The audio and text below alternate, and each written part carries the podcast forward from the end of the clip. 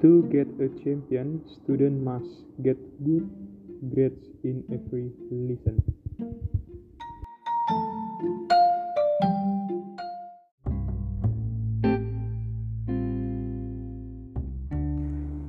Calculator can only calculate. They cannot do mathematics we ask. Thank you.